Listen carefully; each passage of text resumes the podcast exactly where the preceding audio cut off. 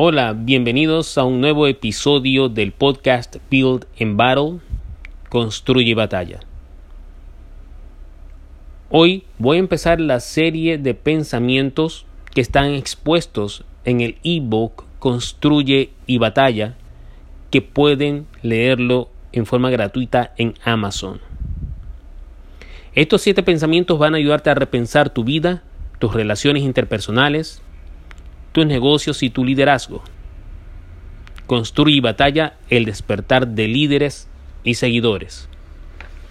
Empezamos con el pensamiento número uno. Y dice, construye grandes cosas y prepárate a batallar la oposición.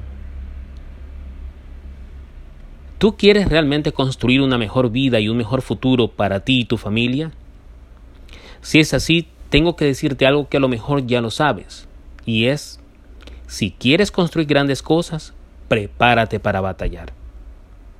¿Por qué? Porque en realidad tu éxito no solo depende de ti, pero también depende de otra gente como los que te apoyan y también de quienes luchan en contra de ti. Créelo o no, la oposición existe. Tú puedes argumentar que tienes que ser positivo, buen trabajador, inteligente, pero sabemos que tomará varias batallas para alcanzar el éxito. No será fácil, porque habrá gente que te defraudarán, te traicionarán y batallarán contra ti para dejar en cero tus posibilidades de tener éxito. Tienes que entender este pensamiento para que puedas seguir adelante y tener posibilidades reales para conseguir tu sueño.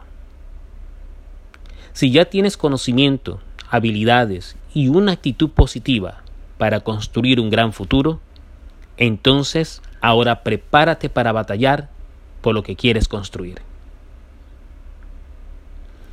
La frase dentro de este pensamiento dice, mientras más construyes, más batallas.